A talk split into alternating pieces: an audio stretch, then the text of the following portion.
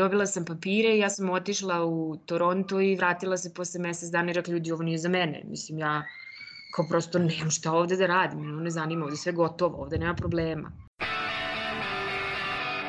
Skoro me neko pitao kao je, je li ima kulturno, kao kakav je kulturni šok. I joj rekao, ljudi, ja ne znam, mislim da sam ja to prerasla. Ja lično sam uvek izbegavala da se družim sa ljudima iz Srbije, ne zato što imam nešto protiv ljudi iz Srbije, nego zato što da hoću da mi je to jedina interesna sfera, ja bi onda ostala u Srbiji i družila se sa ljudima iz Srbije.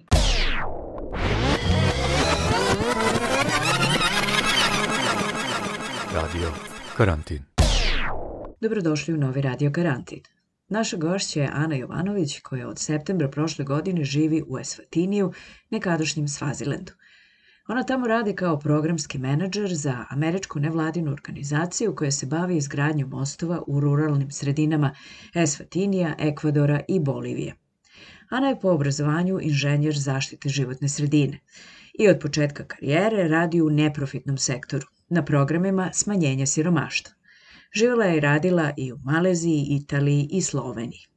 Za sebe kaže da uvek ide za zanimljivim projektima i poslom i da je od zapadnih zemalja više privlače život i kultura zemalja u razvoju. S tim u vezi, Ana sebe ne vidi kao neko ko se iselio, emigrirao iz Srbije, pa tako i ne razmišlja u klasičnom smislu o povratku.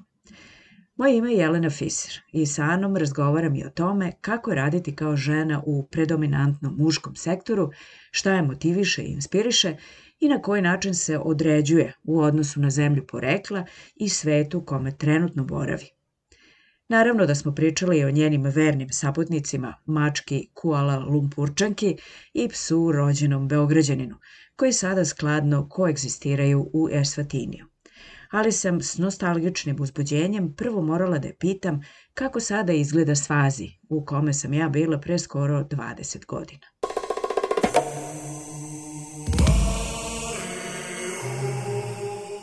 Moram da priznam da ste me vi podsjetili da se Svaziland sada zove Esvatini. Kad smo Kole i ja ugovarali, zapravo planirali ovaj razgovor sa vama, ja sam vaš kontakt sačuvala kao Ana Svaziland.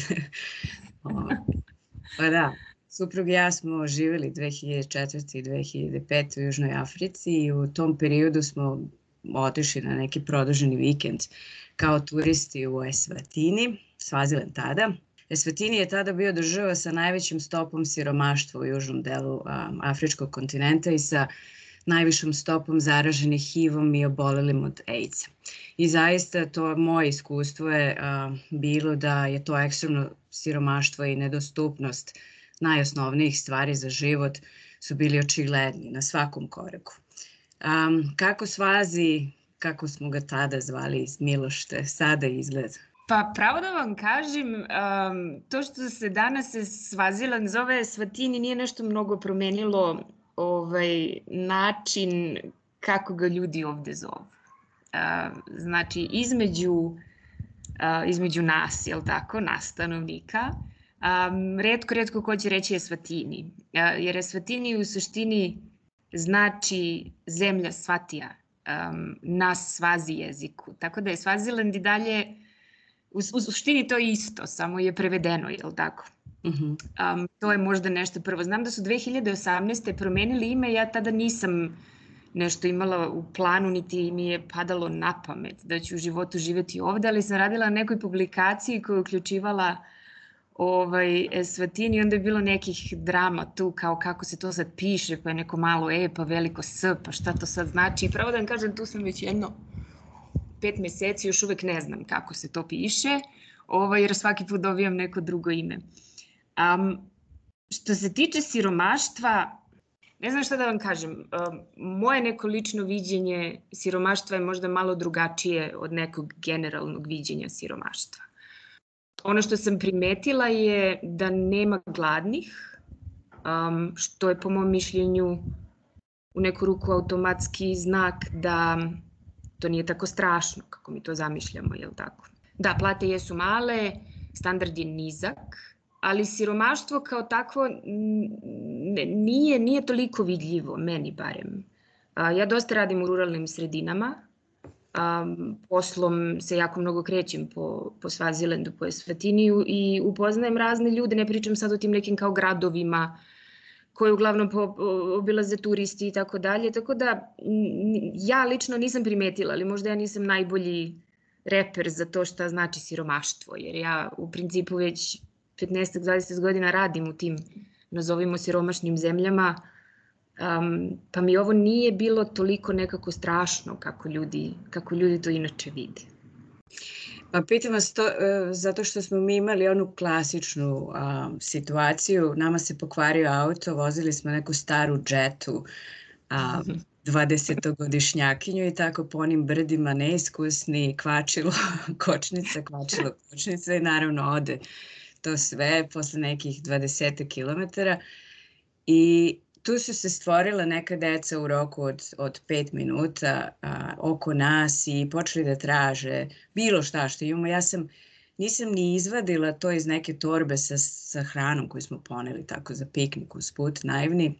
To je otišlo, to je razgrabljeno i sad to onako možda nekom zvuči komično. Ja sam se, ovaj, na ivici suza sam bila, meni je to bilo neverovatno potresno i naročito posle Južne Afrike koja mislim infrastrukturno tu jeli najrazvijenija zemlja. Tu ovakvu vrstu siromaštva um, nismo sretali. Pa vas zbog toga pitam, a eto kažete da radite dosta i u ruralnim sredinama, znači toga više nema, pretpostavljam. Pa nema, mislim, nema do te mere, barem nema toliko da ja to vidim. Um, s obzirom da je, da je Svetini vrlo jedna onako poljoprivredno razvijena zemlja i um, da, infrastrukturno definitivno. I sada neko ko možda nije putovao, ko nije video recimo nešto van Evrope, to može da deluje onako malo, um, pa da, siromašno, ali ovaj, um, s obzirom da ljudi jako mnogo gaje kukuruz, pšenicu, šećernu trsku i sve te neke osnovne kako se to kaže, staple food, ili tako, namirnice, um, nije mi se još uvek desilo da smo negde došli da nismo bili ponuđeni, da nije tu bila neka gozba, da se to nije nešto sad naveliko onako služilo. Um, ima, osjeća se neko koje možda su u Evropi normalne. Recimo, internet konekcija je grozna i samim tim um, nema, ne možete naći mnogo podataka o Esvatiniju uh, na internetu jer nema, nema, nemaju kako da ih objave. Um, Evo i dok to pričate, prekinula mi da. se veza, tako da, da izgubila dve da. ključne da. reči, taman kao fina audio ilustracija. da. Pa mislim, o, mi koji kao moramo da imamo internet za posla, mi smo na Starlinku, ali ovaj, što se tiče tih nekih uh, lokalnih mreža, prilično je onako um, ne znam kako to da nazovem, uh, pa je, možemo da kažemo vrlo, je, vrlo, je skup, vrlo su skupe internet usluge, a, i a, e, jako je loša pokrivenost. Tako da faktički pola vremena ili nema dometa ili je negde nešto se srušilo ili tako. Tako da sa te neke strane, da, možemo reći jeste siromaštvo u tom nekom viđenju kako mi u Evropi vidimo ovaj, kako treba da izgleda uh, bogatstvo. Da. Ali ovaj, ja lično nemam osjećaj, uh, nemam osjećaj da su ljudi ovde jako siromašni. Nemam osjećaj te neke bede koju sam viđala recimo u zapadnoj Africi na obali Slonovače um, ili tako nekim drugim zemljama.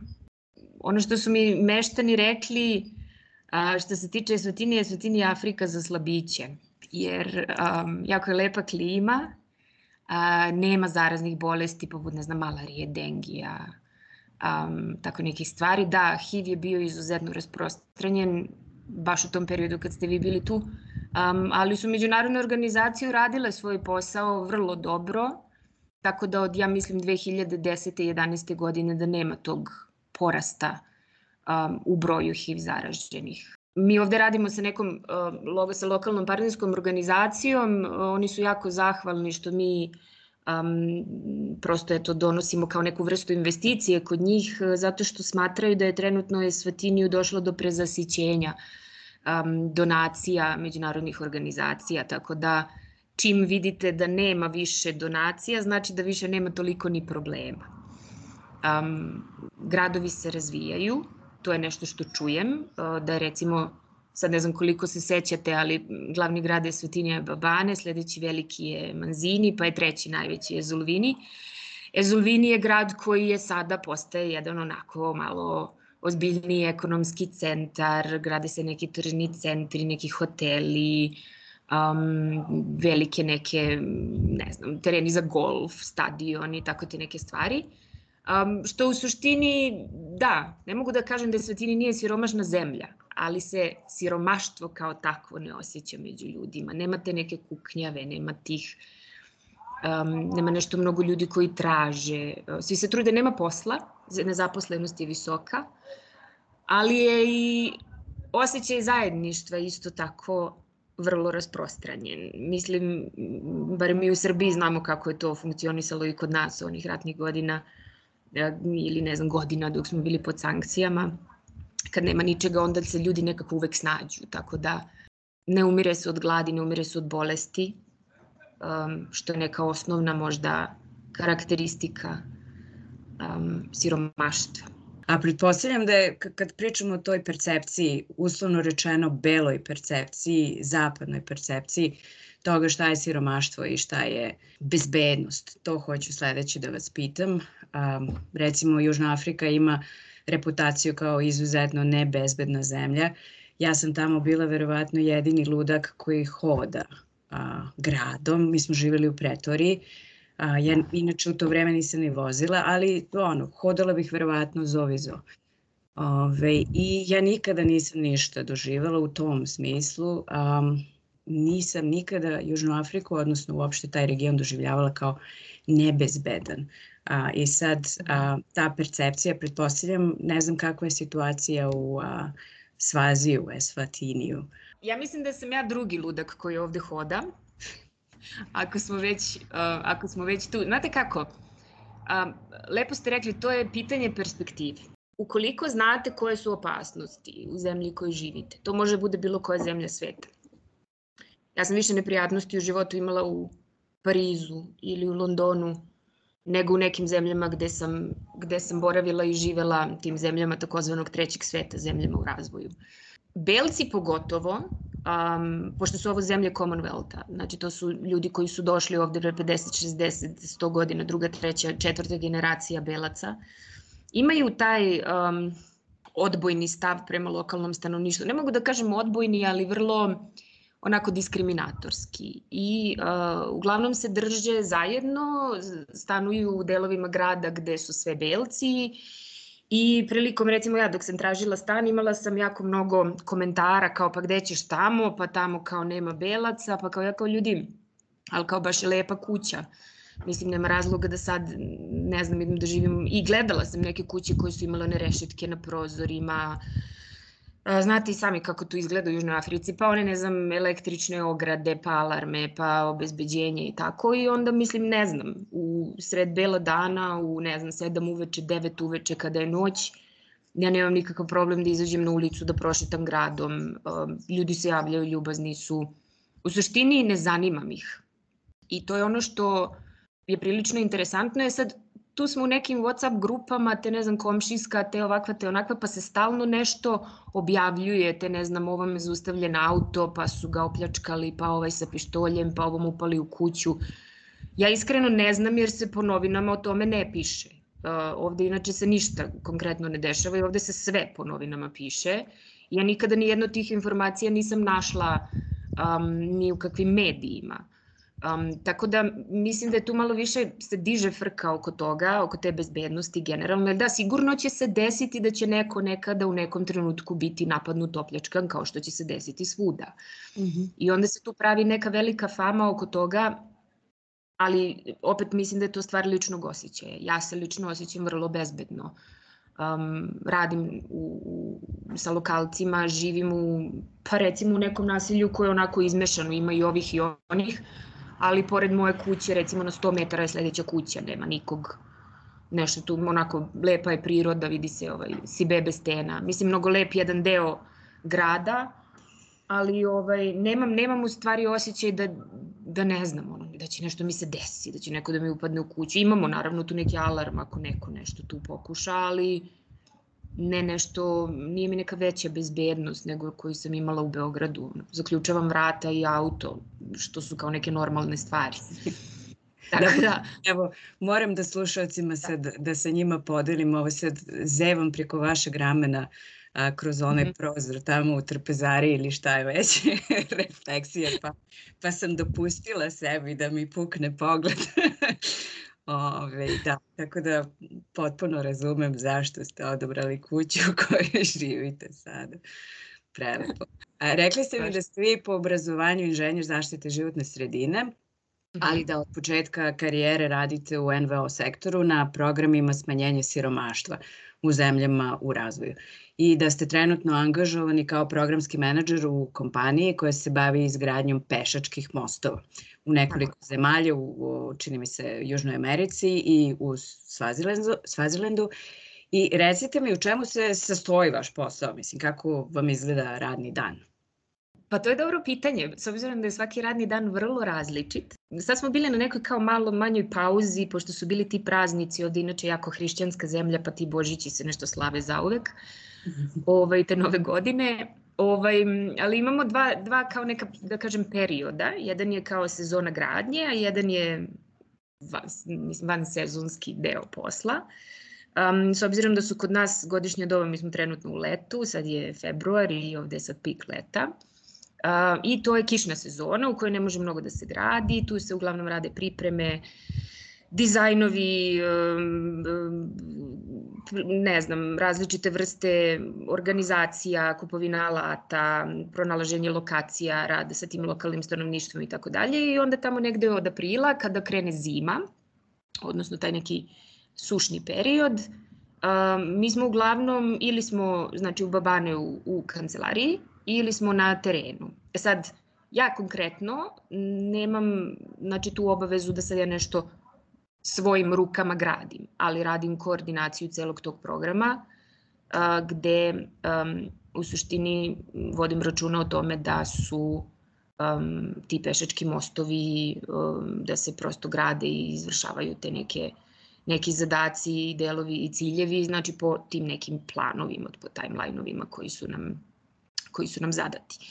E sad, to je prilično mali program. Ja jesam radila u organizacijama uh, civilnog društva ceo život, nekada za velike globalne organizacije, ali mislim da su mi duše i srce uvek bili u tim nekim malim, pogotovo tim malim organizacijama koje rade uh, sa lokalnim zajednicama, jer je to najlepši deo posla gde mi u suštini uh, pokušavamo da, znate kako, mislim, evo reći ću neko svoje mišljenje. Ako sad, ako uzmemo u obzir recimo Ujedinjene nacije koje dođu i kažu e, sad mi znamo šta vama treba i sad ćemo mi to vama tu da damo i da napravimo. Um, jako često se dešava da svi ti projekti ne mora budu samo Ujedinjene nacije, to mogu da budu i druge globalne, recimo zdravstvene organizacije i tako dalje, da ti projekti nakon onog trenutka kad oni odatle ti pro, projekti propadaju, jer nemaju onaj čuveni buy-in lokalnog stanovništva. E sad, ovaj posao koji ja trenutno radim i organizacija za koju radim ima, ta buy, ima taj buy-in i um, mi u suštini u tom periodu kada ne gradimo mostove, znači kada nije građevinska sezona, radimo sa tim zajednicama na a, uspostavljanju tih projekata, zato što je njihov zadatak takođe da budu učesnici u toj izgradnji. Mi naravno imamo profesionalne inženjere koji uh, se bave tom izgradnjom, do, dolaze studenti iz Evrope, iz Amerike koji tu rade neke svoje prakse i tako dalje. Ali ovaj, najlepši deo tog posla u stvari jeste rad za tim zajednicama, um, gde zajedno sa njima u stvari dogovaramo gde će taj most biti, radimo te neka istraživanja zašto je taj most potreban. Slušamo njihove priče i to je ono što kako mi trenutno izgleda dan. U principu putujem po tim sredinama um, I prosto, to, mislim, mi odlazimo na te neke dane kada snimamo teren, um, radimo, ne znam, iz, iz, ispitivanje sastava tla i tako dalje, ali se to uglavnom dešava zajedno sa tim zajednicama. Jer imamo neke kvalitativne kvalitativnim metodama prikupljamo informacije o tome kao, na primjer, gde je najviši nivo, kada, koji je najviši nivo vode koje oni pamte, a, koja je smrtnost a, zbog nabojalih reka, razno raznih nesreća koje se tu dešavaju i tako dalje i tako dalje. Sad ne znam koliko se sećate, Svaziland inače vrlo bogat rekama. Mm -hmm. Nema izlaz na more, ali ima jako mnogo reka. I onda um, zajedno sa njima prosto pokušamo da nađemo neka rešenja, uh, da se vidi gde su ti njihovi trenutni prelazi, um, šta je sa jedne strane reke, šta je sa druge strane reke, zašto im je bitno da imaju most, koliko dece tu prelazi, koliko žena, um, koji su njihovi ti neki poljoprivredni ciljevi, znači oni su do sada, recimo sad jedna lokacija na kojoj radimo ove godine u aprilu je, um, imaju fantastično plodno tlo, ali ne mogu da prodaju proizvode koje proizvedu, jer ne mogu da pređu skoro pola godine preko reke i onda im sve to propada. I onda sve manje i manje prosto se poljoprivreda razvija. Tako da to je taj neki deo koji trenutno radim a od aprila počinjemo konkretno izgradnju i onda kada smo tamo, obično se desi da se spakujemo na jedno 5-6 dana. Svaziland je mala zemlja, mislim ti naši tereni, tereni su oko sat, sat i po vremena vožnje, nije to ništa mnogo daleko. Da. Ali ostajemo u tim zajednicama, spavamo kod njih kući, hranimo se sa njima um, dok traje ta izgradnja mosta i to otprilike traje negde između 8 i 12 nedelja u zavisnosti od veličine mosta i onda se posle toga pravi jedna ogromna fešta, tu dolaze neki lokalni a, poglavari, a, ima tu mnogo još onih kao nekih plemenskih saveza, um, razno razni ljudi, tu bude televizija, pa tu bude haos ceo jedan, znači pravi se ta neka proslava, i onda se ide dalje, jer e, pokušavamo da u toku te sušne sezone napravimo što je više moguće mostova. Ove godine nešto targetiramo sedam. I uh, uveli smo neki novi program, voš program za um, vode, u, za, za do, dovođenje vode u škole, jer nemaju vodu, imaju bunare, ali nemaju način kako da tu vodu prečiste i prosto sprovedu u sistem eto, objašnjavate mi sad to kako, kako se grade ti pešački mostovi, znači to je verovatno, a, probat ću da se ne izrazim kompletno arogantno, ali a, pretpostavljam neki a, naj, bazično razvijeni vid poljoprivrede. Znači ako oni a, na leđima ili ne znam kako već nose tu robu koju su proizveli, a, preko tih mostova, onda verovatno i način a, na koji obrađuju zemlju nije preterano a, motorizovan. Kako izgleda, jeste imali prilike da vidite onda kako njihov dan izgleda radni, uslovno rečeno, kako oni tu zemlju obrađuju, a posle ću da smaram i o tome kako izgleda i spavanje i fešta i sve ostalo. Pa videla sam, da, ovaj, um, jako su vredni, to sam primetila, ljudi se bude jako rano, znači to je sa prvim ono, zracima sunca. Ima tu neke mašinerije, videla sam i neke traktore i ima tu i nekog đubrenja tog tla i tako dalje i tako dalje. Ovaj, ali da, uglavnom se radi ručno. Evo sama, sama interesantna činjenica, pretprošle nedelje baš smo bili u jednom od, ti, u jednom od tih sela, trebalo da imamo sastanak i niko se nije pojavio na sastanku i mi kao šta se dešava, to je baš redko da kao nema nikog.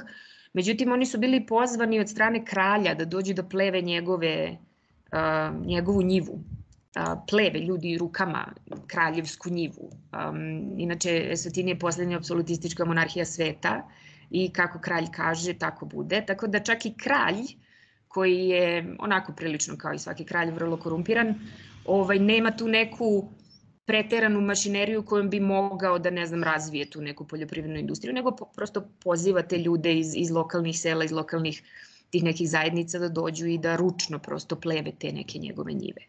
Škole su svuda, to mislim da je onako zasluga tih međunarodnih organizacija i jako mnogo um, stanovništva Svazilenda se školovalo ili u Južnoj Africi ili u Zimbabveu ili u Botsvani a, da bi bili ti neki učitelji, profesori. I onda je, recimo, na, pošto, pošto onako vrlo su razuđena ta sela i sada kada, na primjer, u jednom domaćinstvu imate, ne znam, oca, majku, recimo, ajde, neka bude tri generacije, najstariji se uglavnom bave tu nekom lokalnom politikom, oni su u nekom tom savetu i nešto tu um, dogovaraju sad te neke njihove um, principe po kojima će zajednica, ali tako da se ponaša. Ta neka kao srednja generacija, oni su na poslu, je sad rade i žene i muškarci, prilično je ta neka ravnopravnost, barem kako sam ja videla, nema, nema tu nešto mnogo kao sad zato što si žena sediš kući ili zato što si muškarac moraš ovo, nego svi imaju neke poslove. Sad neko je zaposlen u nekoj firmi, neko radi na plantažama. Ovaj, a klinci idu u školu i um, oni jako mnogo vode računa o obrazovanju i biti obrazovani ovde je jedna vrlo, vrlo važna stvar i što si obrazovaniji, to te zajednica više ceni. Tako da samim tim um, i taj most ima jako mnogo smisla, jer onda može da se ode u školu. Um, na prošlom jednom koji smo završili u septembru, baš je došao jedan učitelj i rekao na tom otvaranju kao, e sad nemate više izgovor da ne dolazite u školu, jer prosto sad imate most, a dešavalo se da recimo oni odsustvuju po dve, tri nedelje, jer nekad voda zna da bude onako prilično dugo visoka. Oni inače kada nemaju most prelaze peške, uh, znači oni izuju se skroz, dignu knjige na glavu i preko, a ovaj, um, ili imaju tako neke privremene prelaze od nekog granja ili nekog kamenja, koji tu može da nešto posluži dok, nije, dok voda nije visoka. Međutim, u pošto je šest meseci kišna sezona, onda bude prilično onako komplikovano u tom periodu i odlazak u školu i kod lekara i na posao i tako. Jako su, jako su zabavni, jako su gostoljubivi, uh, imaju neki svoj ritam, ne kači ih nešto mnogo kada dođu belci, nisu nešto mnogo onako raspamećeni. Opet ja nešto radim po svom, po svom nekom utisku jer dok sam živela u Aziji to je bilo nešto sasvim drugo. U Aziji kada prođeš ulicom kao belac to je pomama sve nešto padne u nesvest. Ovde ljudi nisu toliko nešto uopšte raspamećeni time što ste vi belac, prepostavljam da je to zbog celog konteksta Južnoafričke republike gde je prosto to najnormalnija moguća stvar da ljudi iz različitih etniciteta žive zajedno. Pa verujem da se to i ovde prelilo. Ovaj, tako da da, interesantno je ovaj, i svaka ta zajednica ima neku svoju priču, ima neku svoju um, različitu ideju oko toga kako to treba da se vodi. Svi su u nekoj kao lokalnoj politici, imaju neke kao komitete njihove, pa neke saveze, pa dogovore, pa sastanke, pa tako. Pa znači, I, ovaj, potpuno decentralizovana zemlja, onako idealno. Da, da, ono što sam do sada saznala, još uvek se tu ja nešto bunim, to su neke tri, tri nivoa neke vlasti, postoji ta kraljevska vlast, pa ta neka parlamentarna i onda postoji neka i onda postoji ta neka običajna vlast gde se tako prosto izabere neki možda kod, kod nas bi bio možda neki kao predsednik kućnog saveta ili tako nešto, ne znam kako to da uporedim drugačije, koji nešto vodi tu računa o tim zajednicama, a, baš recimo u situacijama kao što je a, kao što su novi projekti, kao što su ti mostovi koje mi radimo, uvek su oni ti koji se nešto tu pitaju, dogovaraju, um, informišu te u lokalno stanovništvo to potrebno da se uredi, da se zajednica poboljša i tako dalje. Da, um, sećam se, sećam se, to je bilo još i ekstremnije dok smo mi bili u, u regionu, mislim da je kralj imao baš to apsolutnu vlast, da su ove ostale institucije, odnosno nivoje vlasti bili tu čisto pro forme. Ali dobro, eto, super je da se i tu nešto promenilo. Um, htela sam da vas pitam, spomenuli ste Maleziju i znam da ste živjeli još na nekim drugim potpuno različitim tačkama. Ove, šta vas je uh, odredilo zapravo da se um, karijerno fokusirate na zemlje u razvoju, a ne na um, te, kao uslovno rečeno, visoko razvijene zemlje za koje ako se ne udubljujemo previše, um, možemo, skloni smo da pretpostavimo da otvaraju mnogo veće mogućnosti za, za napredak u karijeri. Pa to je dobro pitanje. Um,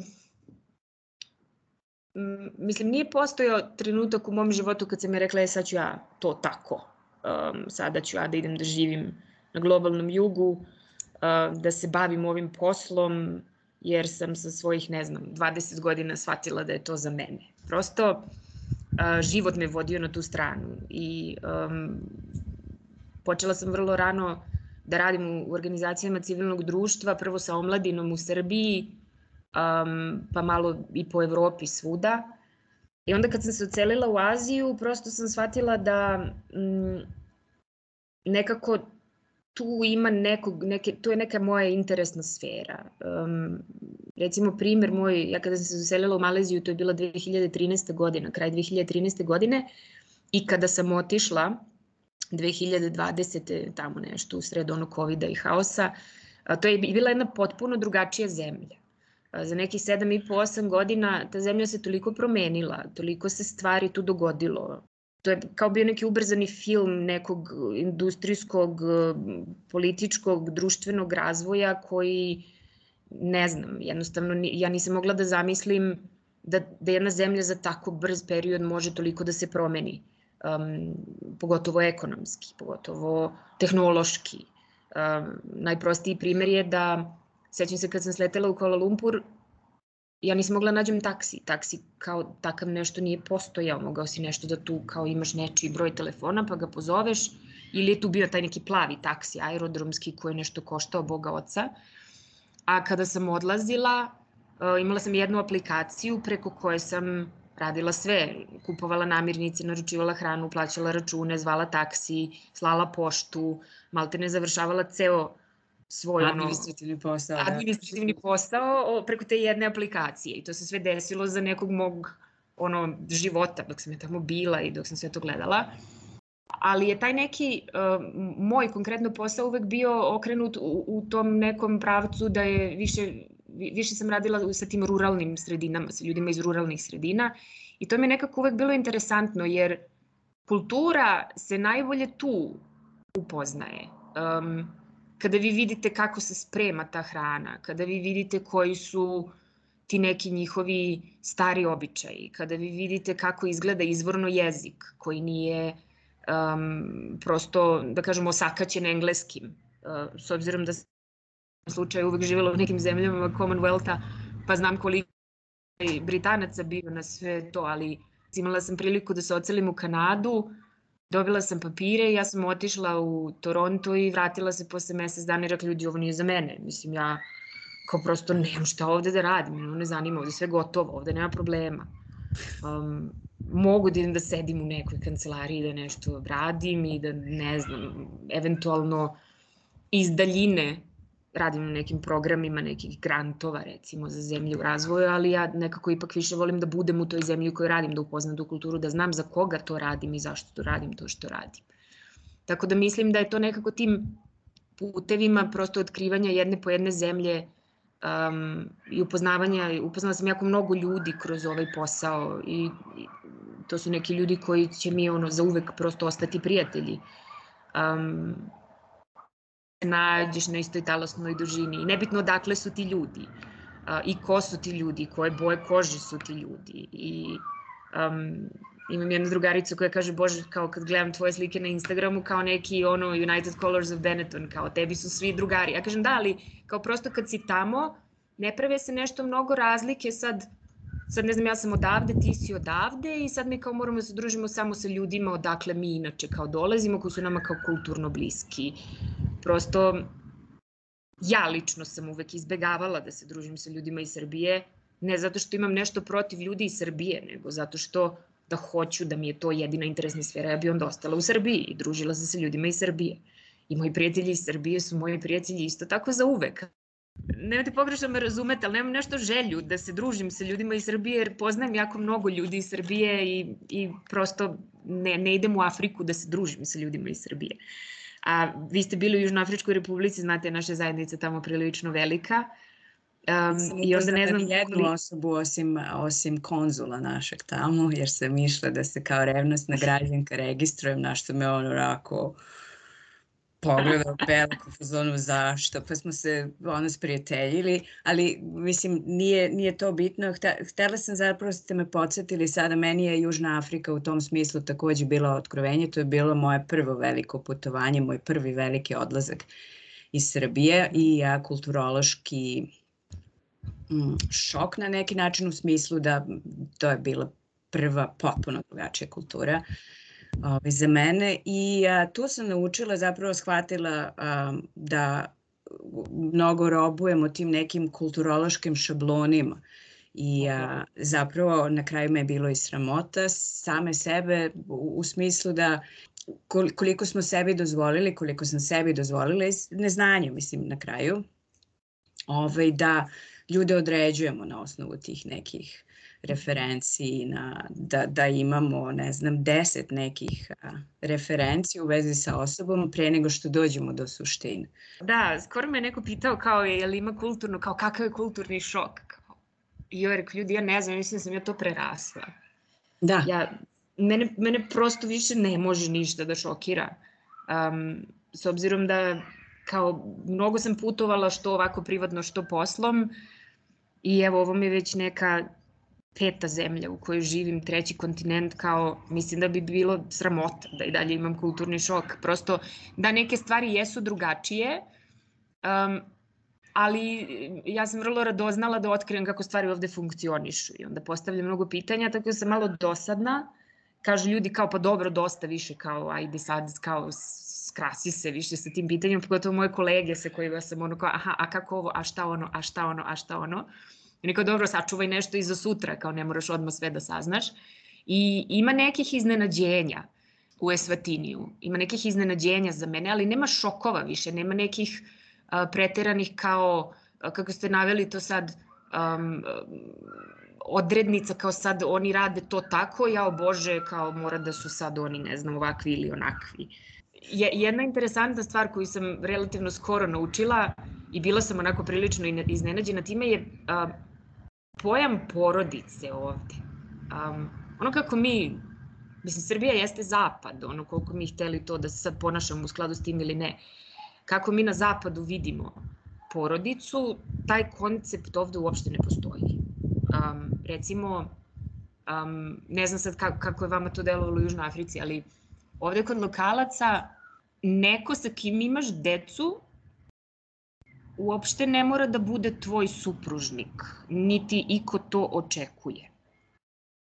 Znači, ta dva pojma su potpuno razdvojena. Ukoliko se te stvari sklope, to je okej, okay, niko nema ništa protiv. Ako recimo sada, ne znam, moj kolega ima ženu i dete, znači oženjen je nekom ženom i sa njom ima dete, to je u redu. Ali velika većina ljudi koje sam upoznala ima decu sa jednom osobom, a nije oženjena tom osobom. I to važi uh, i za žene i za muškarce. I za žene i za muškarce, tako je. I to nije nikakav problem.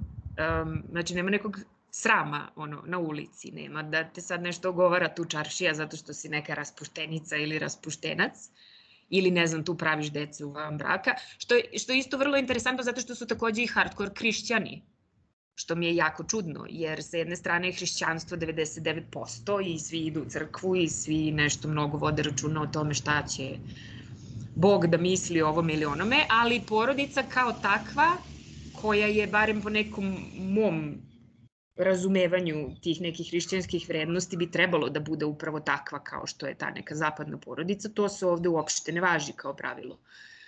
I, i onda mi je prilično interesantno da, da da pokušam nekako da se, da se ubacim u njihovu kožu, u, njihovi, u njihovo ono, um, njihovo shvatanje e, tog nekog zajedništva, tog nekog porodičnog života, jer, na primer, pošto ja radim u, u tom nekom inženjeringu, jel tako, i uglavnom su muškarci, jako, jako malo žena je generalno u svetu inženjeringu, um, ja vidim te moje kolege ono, vikendom, ne znam, tu nešto vise sa društvom, od ponedjeljka do petka rade tu na poslu, uglavnom se nešto žive tu u gradu, a žene su im negde drugo i ta neka deca su negde drugo. Um, I onda te žene tamo gde god da žive, um, ukoliko su venčani, uglavnom su eto kao u toj nekoj monogramnoj zajednici, ali ako nisu venčani, one imaju neke tamo svoje momke, oni vamo imaju neke svoje devojke i oni imaju kao neku zajedničku decu i svi ti kao ljudi imaju tu neku decu. I onda sam se setila onog um, čuvenog It takes a village to raise a child, I onda mislim da, da sve potiče od toga da deca kao takva se ne vide kao neka moja sad kao lična svojina, to je kao moje dete. Kao to je moje i tvoje dete i sad mi kao gajimo to dete zajedno i mi smo tata i tu se završava porodica. Ne.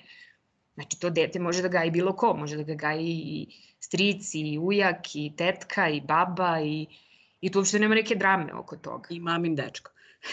I mamin dečko i tatina devojka i nebitno i recimo stariji brat ili sestra. I, I to je tako, prosto tako stvari funkcionišu. Um, recimo, dvojica mojih kolega imaju tu priču. Jedan je um, odhranjen, odnosno odgojen od strane rođenog strica i strine, um, a ovaj drugi je prosto bio najmlađe dete od njih, ne znam, osmoro, devetoro i odgajio ga najstariji brat. Mama i tato su, ne znam, tata je negdje u Južnoj Africi, mama je u Mozambiku, oni su nešto radili, slali neku lovu i onda su se deca sama odgajala i kao prosto su završili neke škole i tako i Imaju neki osjećaj sad da su oni tu neka kao odbačena deca, pa njih neko nešto nije voleo, pa znate kako ono kod nas kao tata nešto bio odsutan kao ili mama nešto mnogo radila, pa smo svi nešto sad u nekim, nekim terapijama jer nam je to bilo onako baš strašno. Ovde ljudima to potpuno normalno. Jer prosto takav je, takva je kultura. Tako stvari funkcionišu. Kako se vi osjećate kao žena? A, spomenuli ste i, i sami da u inženjeringu nema mnogo žena generalno, globalno, nije to sad ekskluzivno samo za Swaziland. Kako se osjećate uh, u tom smislu? Putovali ste puno i radili uh, u toj uh, industriji dosta, promenili ste tih, uh, više tih kulturnih konteksta. Ove, kako, kako s te strane izgleda vaša priča i kako je sad tu u Svazilendu, eto recimo baš u tom kontekstu a, tog nekog ajde liberalnog, a, a, liberalnih muško-ženskih odnosa i nekonvencionalnosti, što je malo i čudno onako sad iz zapadne perspektive, tako to nazvati. Kako sad vi tu kao sama žena, a, kako vas gledaju tamo i inače, mislim, kako vaš život u tom smislu putujući inženjerski, ženski izgleda. I uopšte ne morate da mi odgovorite da. ako se ne priča na tu temu. Ne, hoću, samo, samo ne znam kako da, da na najkraći mogući način objasnim kako to sve izgleda. Um, pa nije lako, mislim, nije lako ovaj, ni, ni udatoj ženi, a kamoli samoj, da gradi bilo kakvu vrstu karijere i bilo kakvog posla, a, bilo gde u svetu, da se razumemo. Um, mislim, koliko god mi sad smatrali ovo ili ono protiv Srbije, ja sam prvi put osetila rodnu diskriminaciju tek kada sam prešla da radim u bankarskom sektoru. A, nebitno u kojoj zemlji. Uče smo u jednu profesiju koja je bila vrlo onako, ne znam, agresivno muška. I tu mi se desilo, me jedan kolega pitao zašto ja sad tu radim kad kao mogu da se lepo udam i da sedim kući, što se ja tu kao držim neki sastanak i čovjek me ono najozbiljnije moguće pitao, jeste bio kolega iz Ugande, ali kao ni jedan drugi kolega iz, ne znam, Evrope ili Amerike ni nešto tu digo frku na to pitanje. I znate kako, posle nekog vremena i, i velikog broja različitih vrsta komentara, koji su uvek nekako iz neke najbolje namere, čovek prosto ogugla Ja verujem da je taj moj kolega stvarno mislio da me pita nešto tako prijateljski, kao što ja sad tu mučim kad mogu lepo sudam. I onda posle nekog vremena prosto ja barem uh, sam se navikla um, na tu vrstu komentara i ne, ne kače me više. Uh, da, i dalje se dešava šta ćeš sad tu, što si sad tu uzela kuću, ti si sama žena, svašta će da ti se desi, da, da, da, da, da ne znam, u, u muškim poslovima. Mislim, ja sam sada, um, prosto kažem, na nekoj liderskoj poziciji u celom muškom timu. Znači, ja nemam ni jednu devojku u timu, sve su muškarci. Um, sa njima stvarno nema problema. Oni su sjajni momci, imaju, nemaju tu neku sad kao perspektivu, sad kao nama žena tu nešto komanduje, ali ovaj, okolni, recimo, ostalim ti nekim odeljenjima ima ono, prosto prođu pored mene pa kao jao, kao evo sad, kao sad ćeš ideš tamo da im držiš slovo, kao ha ha, kao maltene, kao eto sad ti si kao tu najpametnija neka. I tako dalje, ne bi sad ulazim baš u konkretan rečnik, zato ako malo kružim okolo.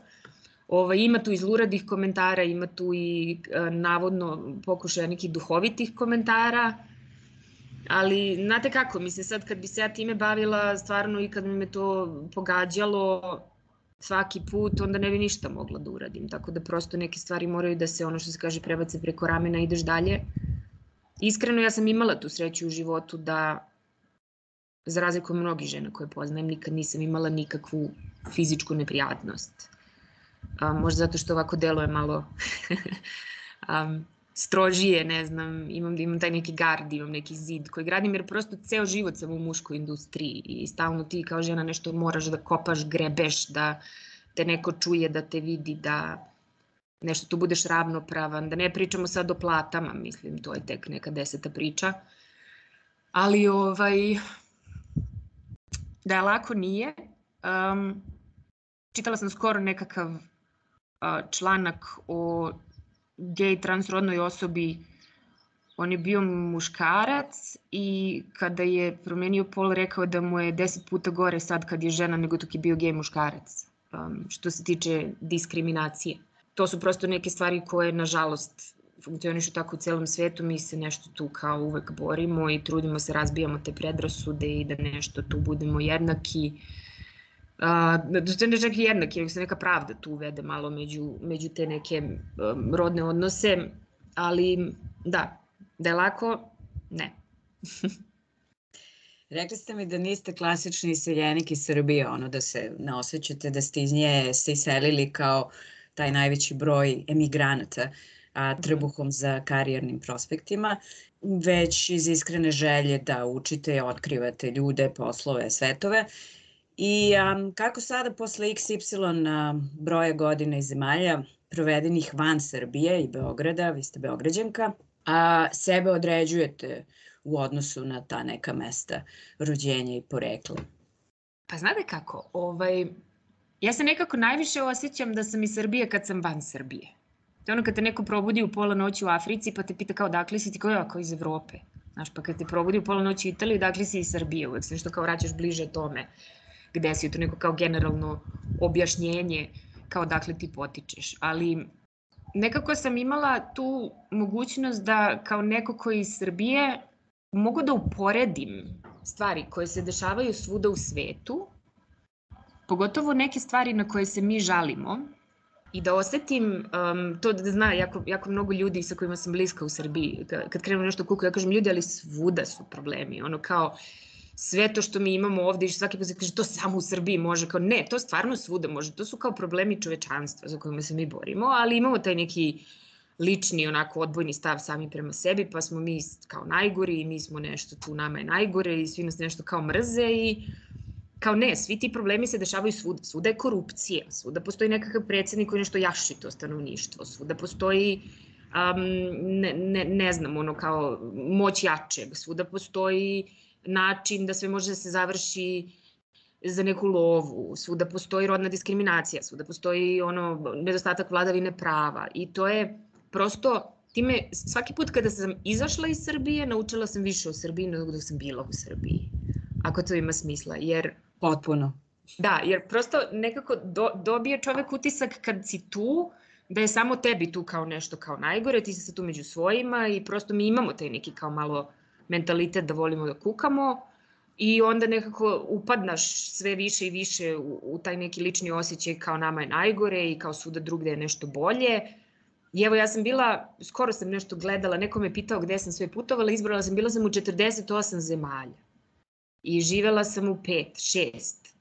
Um, prosto nisam ja nešto osetila nigde da je negde kao nešto ne znam koliko bolje. Eto, ajde uzmemo u obzir tu Kanadu koja je kao neki kao prosperitet ekonomski, mislim nekakva socijalna pravda tamo vamo, ne mogu sa nešto mnogo da pričam o tome, nisam dugo bila, ali imam prijatelje koji tamo žive i koji, mislim, meni pričaju neke svoje probleme koji su iz, problemi, opet kažem, problemi čovečanstva, problemi koji se dešavaju svuda. Uh, da, negde je možda lakše izaći na kraj sa tim problemima i negde možda neki sistem radi za tebe da ti pomogne da se sa tim izboriš, ali postoje opet na uštrb toga što možda imaš sistem koji ti drži leđa, gubiš neki osjećaj zajednice, gubiš neke... Sve to negde merljivo, levo ili desno, gore ili dole, sve to negde dođe na kraju na isto. I pitanje je samo šta čoveku više prija, da li nekom više treba da ima baš to sistem koji će ga podržati, nekome više treba da ima komšiju sa kojim može popije kafu u svakom trenutku. Naravno, jedno ne isključuje drugo, ali nekako to je ta neka generalizacija tih prosto sistema, tih država koji postoje u svetu, što kao što imaš više para, što imaš manje prijatelja.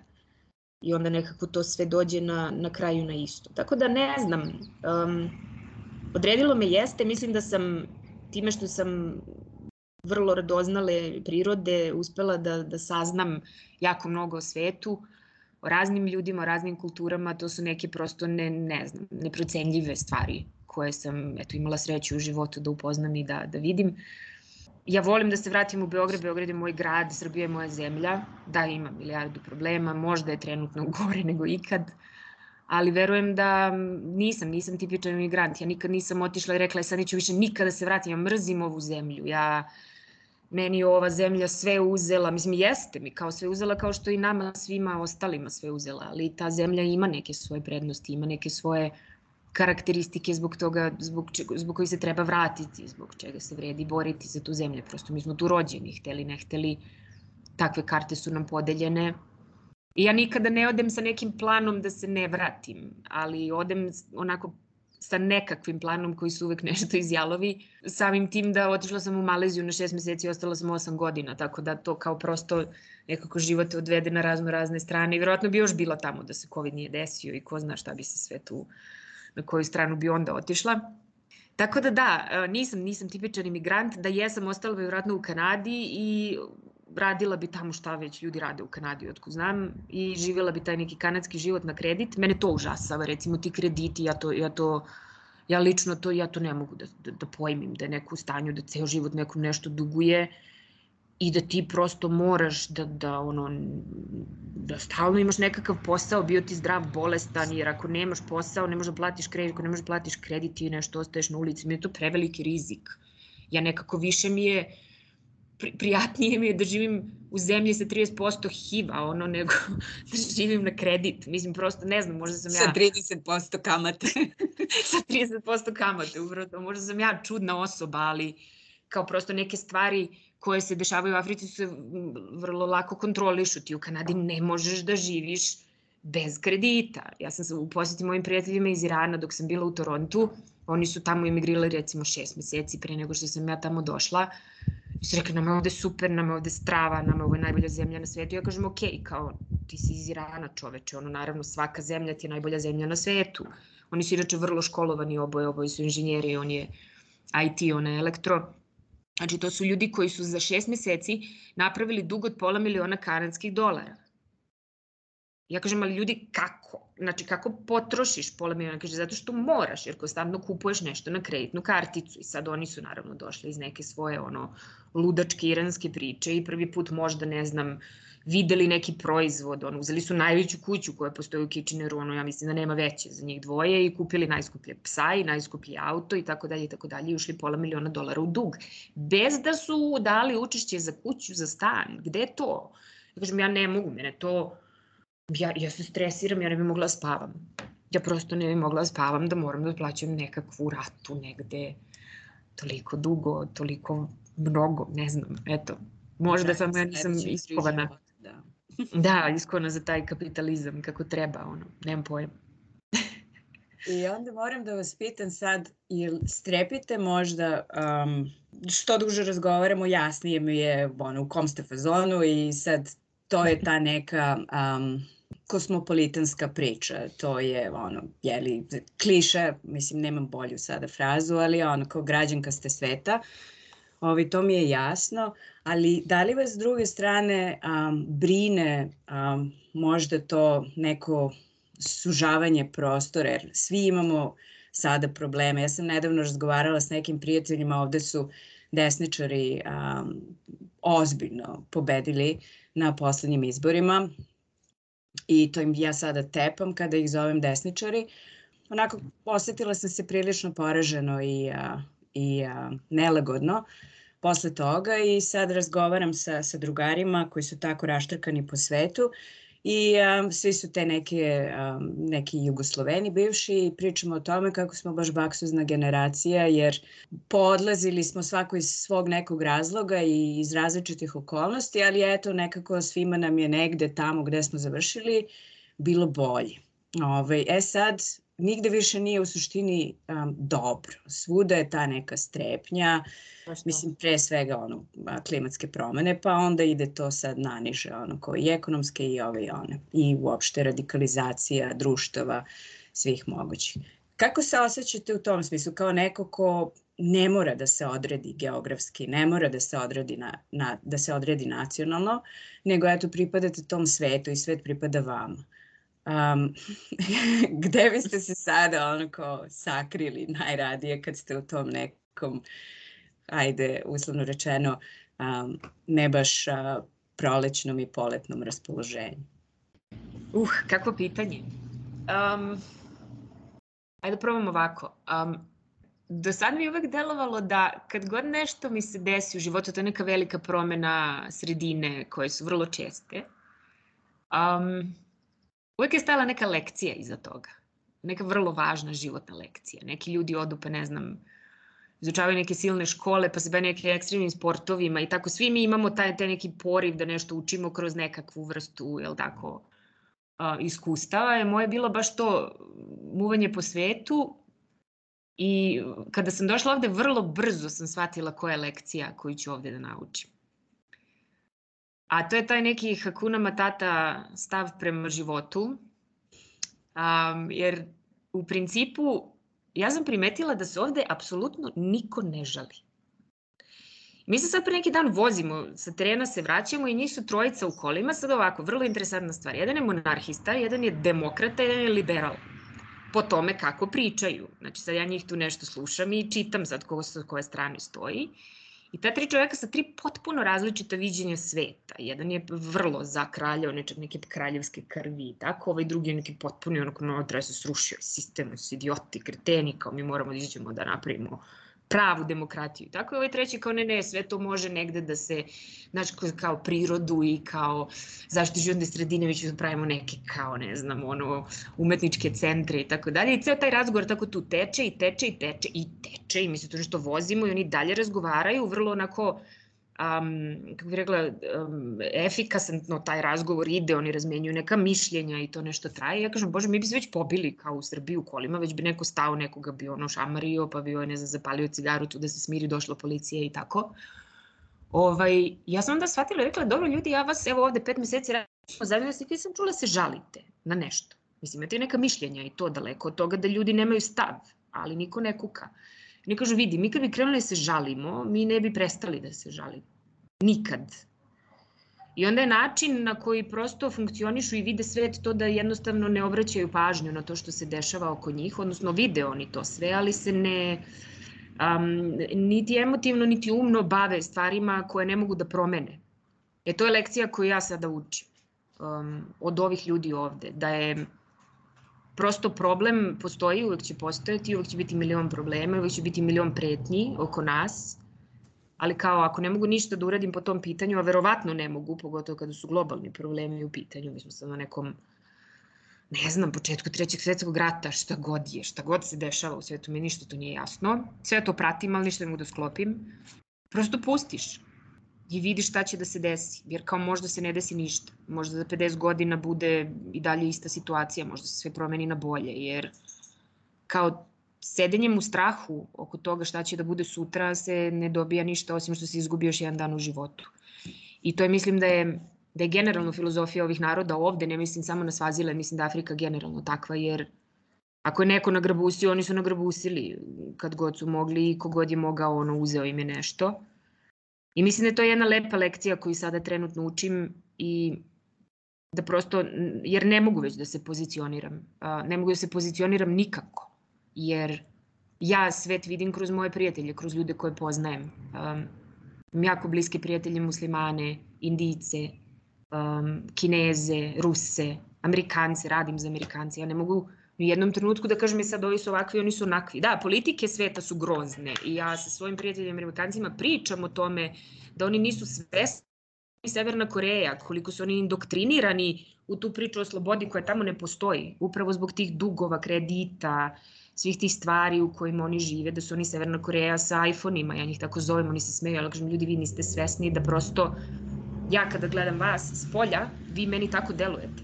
I to je nešto što oni kao ljudi, oni nisu loši ljudi, oni prosto žive po tom doktrinom, kao što mi u Srbiji živimo po drugom, kao što ljudi u Africi žive po trećom. Um, sad ne bi tu nešto mnogo da sad kao mlatim praznu slamu oko, oko te generalno politike, ali um, pozicioniranje na bilo koju stranu u ovom trenutku bi bilo pozicioniranje na pogrešnu stranu uvek je ono pitanje kao ako, si, ako se osjećaš loše, da li je problem u tebi ili u sredini u kojoj se nalaziš. I onda probaj prvo da promeniš sredinu pa onda vidi. E sad, time što se menja sredina, naravno ne može samo da se promeni sredina. Svi naši demoni putuju s nama. Uh, uvek mora malo i da se otvori prema toj novoj sredini, da se nauče neke nove stvari, da se vidi neka druga perspektiva, da bismo mogli da kažemo, je sad smo promenili sredinu. Nije ono kao odemo na more, ne znam, 10 dana lupam sad u Bugarsku i tamo kao ja sam kao nešto putovao, video si hotel i plažu, što je da. lepo i treba čovjek to da radi, ali ne, ne može da se kaže sad si nešto kao baš promenio mnogo, ne znam, sredinu, da si nešto sad novo otkrio. Tako da, ovaj, da, Afrika, uh, Južna Afrika, gde sam sada trenutno, ima neki potpuno drugačiji vibe. Um, oni vide svet uh, kroz svoje neke dnevne probleme, Um, tu i tamo promuva se neka priča kao jao jeste čuli ovo kao Izraelu i oni kao ma da kao baš je frka. Samo što se ne zasmeju ono jer prosto znate ono kad, kad se kao sad ne znam kao pada u nesvest oko nekih različitih vrsta da sad tih ne znam ratnih situacija u kojima smo Afrika koja kao gladuje posljednjih kao hilju godina njima to sad kao i ne deluje baš kao tako nešto strašno. Tako da je opet to i ta neka perspektiva koju, koju treba uzeti u obzir, ono što se kaže uvek može gore i u situacijama u zemljama gde, gde su ljudi stvarno prolazili razno razne vrste tortura, um, ekonomskih, ličnih, fizičkih, ovakvih, onakvih, političkih. Um, trenutno situaciju u svetu ne zabrinjava mnogo. Ja moram još i ovo da pitam za kraj. A, znam da imate psa i mačku koji su takođe ono, svetski putnici i da, ove, da, kako ste rekli, dobar deo svojih resursa trošite na njihovo seljakanje, odnosno zajedno se selite, jeli, od Nemila do Nebrega. Kako su oni, šta oni, u kom su oni fazonu, kako se slažu, odakle su? Znam da, da je mačka maležanka, tako? Tako je, ona maležanka, e, to je ona podstepenišna rasa, nađena jedan dan se tamo neka kancelarijska mačka porodila i onda smo mi nešto kao mi kolege svako pokupio po jednu. I meni je zapala ova, evo je baš ovde sedi ovde pored e, laptopa. Um, to je, mislim, njoj je super. Uh, vrlo, vrlo, su, vrlo su onako neočekivano reagovali oboje. Ona, pošto se već selila iz Kuala Lumpura za Beograd, pa iz Beograda za Babane, njoj je u suštini ok, ona ovde obožava, ima dvorište, visoka je trava, ona se pravi da je neki ozbiljan tu lav, tigar, ne znam nija šta i da lovi neke ptice, nikad ništa nije do sad ulovila, ali trudi se. Ovaj, mnogo joj je lepo, uživa, nije bilo nikakvih problema, mislim njeno privikavanje je trajalo pola sekunde, što nije uobičajeno za mačke, jer one se vezuju za prostor i tako dalje, ne za ljude. A, pas sa druge strane, on je isto tako pronađen, ovaj, u Beogradu, on je beograđanin, on je jedan onako dramatičan lik koji je jako vezan za mene jer je imao taj neki kao život na ulici. I to i pošto dok sam u tom periodu između, između Malezije i Svetinije sam živjela par godina u Beogradu i radila sam od kuće. I on je tu sad navikao da sam ja tu stalno nešto, mi sad idemo u šetnje kad god on tu malo nešto zacvili. Međutim, sad ima dvorište i to je jedan haos ozbiljan jer on ne zna čemu služi dvorište i on čeka da mi sad svaki dan idemo u šetnju. Ja sam kao da, ali imamo mi ovde kao hektar da ti bi mogao tu da budeš slobodan pas i da trčiš i da živiš san svakog psa na ovom svetu. Ovo, ovaj, međutim, on je jedno ono, parče nameštaja koje se ono, ne odvaja od mene ovaj, eventualno ako ja nešto tu prošetam po dvorištu ide i on sa mnom, ali ovaj, ne, ne zanima ga nešto to i jako je, to, to je strašno sad što ja odlazim na posao, što mene nema tu po 6-7 sati, to je vrištanje kad se vratim, padanje u nesvest i tako. Ovaj, a njih dvoje se slažu, do te mere mislim nikad se nisu nešto zakrvili, ali nisam ih nešto nalazila da spavaju baš zajedno. Ona je onako jači karakter, mačka spava u njegovoj kućici, on spava na polju, kad su ovaj, napolju, jer prosto ona je tu gazdarica i nema tu sa mačkama, nema nešto mnogo pregovora, ona je to zauzela i to je to. Ovaj, bilo je malo stresno sad dovesti iz Srbije životinje u Esvatini, to su dve države koje nemaju nikakav sistem, a tu, tu smo jednaki i prosto nije ostalo nikakvih pravila tu kako se to radi. Ja sam nešto zvala ovo ministarstvo poljoprivrede ovde i pokušavala nekako da doprem do njih. Međutim, to nešto nije bilo nikakvog ono odziva, pa sam ih onda uvozla, uvezla u Južnoafričku republiku i onda su tamo izgurali karantin i onda su ih ono tamo na ne znam 150 randi mi to prevezli preko granice, ta neka agencija koja to radi, jer prosto ovaj, nije, bilo, nije bilo drugog načina da oni ovde dođu. Ovaj, tako da, svi me se pitaju, jo, kako ćete kad budete išli nazad? Jo, rekao, ljudi, nemam pojma, me pitate, ne znam, mislim, nisam znala ni kako ću ovdje da dovedem, sigurno, opet ima neki način, smislit ćemo nešto. Tako da da, njih dvoje su tu, oni su tu sa mnom, ovaj, ja sam nešto se jako dugo ovaj, otimala da ne uzmem psa, iako sam stalno želela i bila sam kao joj šta ću, ovaj, moj posao, može se desi sutra da odem negde preko sveta, šta ću sa njim i onda sam ipak presekla i rekla ne, uzimam tog psa, pa gde ja tu i on, ako je mačka mogla iz Malezije u sred covid nas dve bile same u avionu, onom duplom iz Kuala Lumpura za Istanbul, samo ja i mačka, ovaj, moći ćemo valjda i u mirnodopsko vreme da prevedemo i psa i mačku. Tako da tu su sa mnom. Ovaj, on je jako ovde interesantan jer je beli pas, ovde nema belih pasa, ovde su sve oni afrički ričbekovi, goniči lavova, rotovi, ne znam, malinoje i tako ti neki žuti psi, crni psi, a on je beli i onda ovaj, ljudi ovde imaju jako mnogo predrasude prema belim životinjama generalno. Boje se, to su ta neka plemenska verovanja da u njima žive neki duhovi i tako dalje i onda možda i to neka dodatna mera bezbednosti da se niko neće ovaj, da će se svi uplašiti psa pre nego što probaju da ne znam, obiju kuću ili tako već nešto. Tako da oni su super, ovde je mnogo lepa klima, Babane je na 1300 metara nadmorske visine, ovde je planina.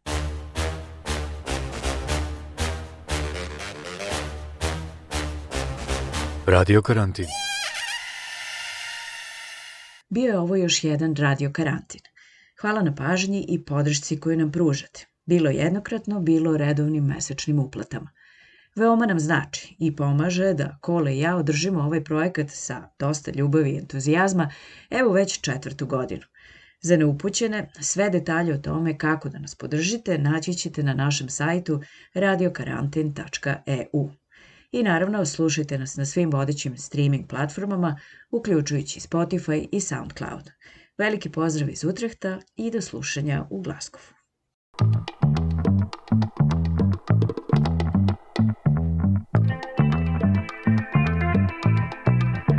Radio Karantin.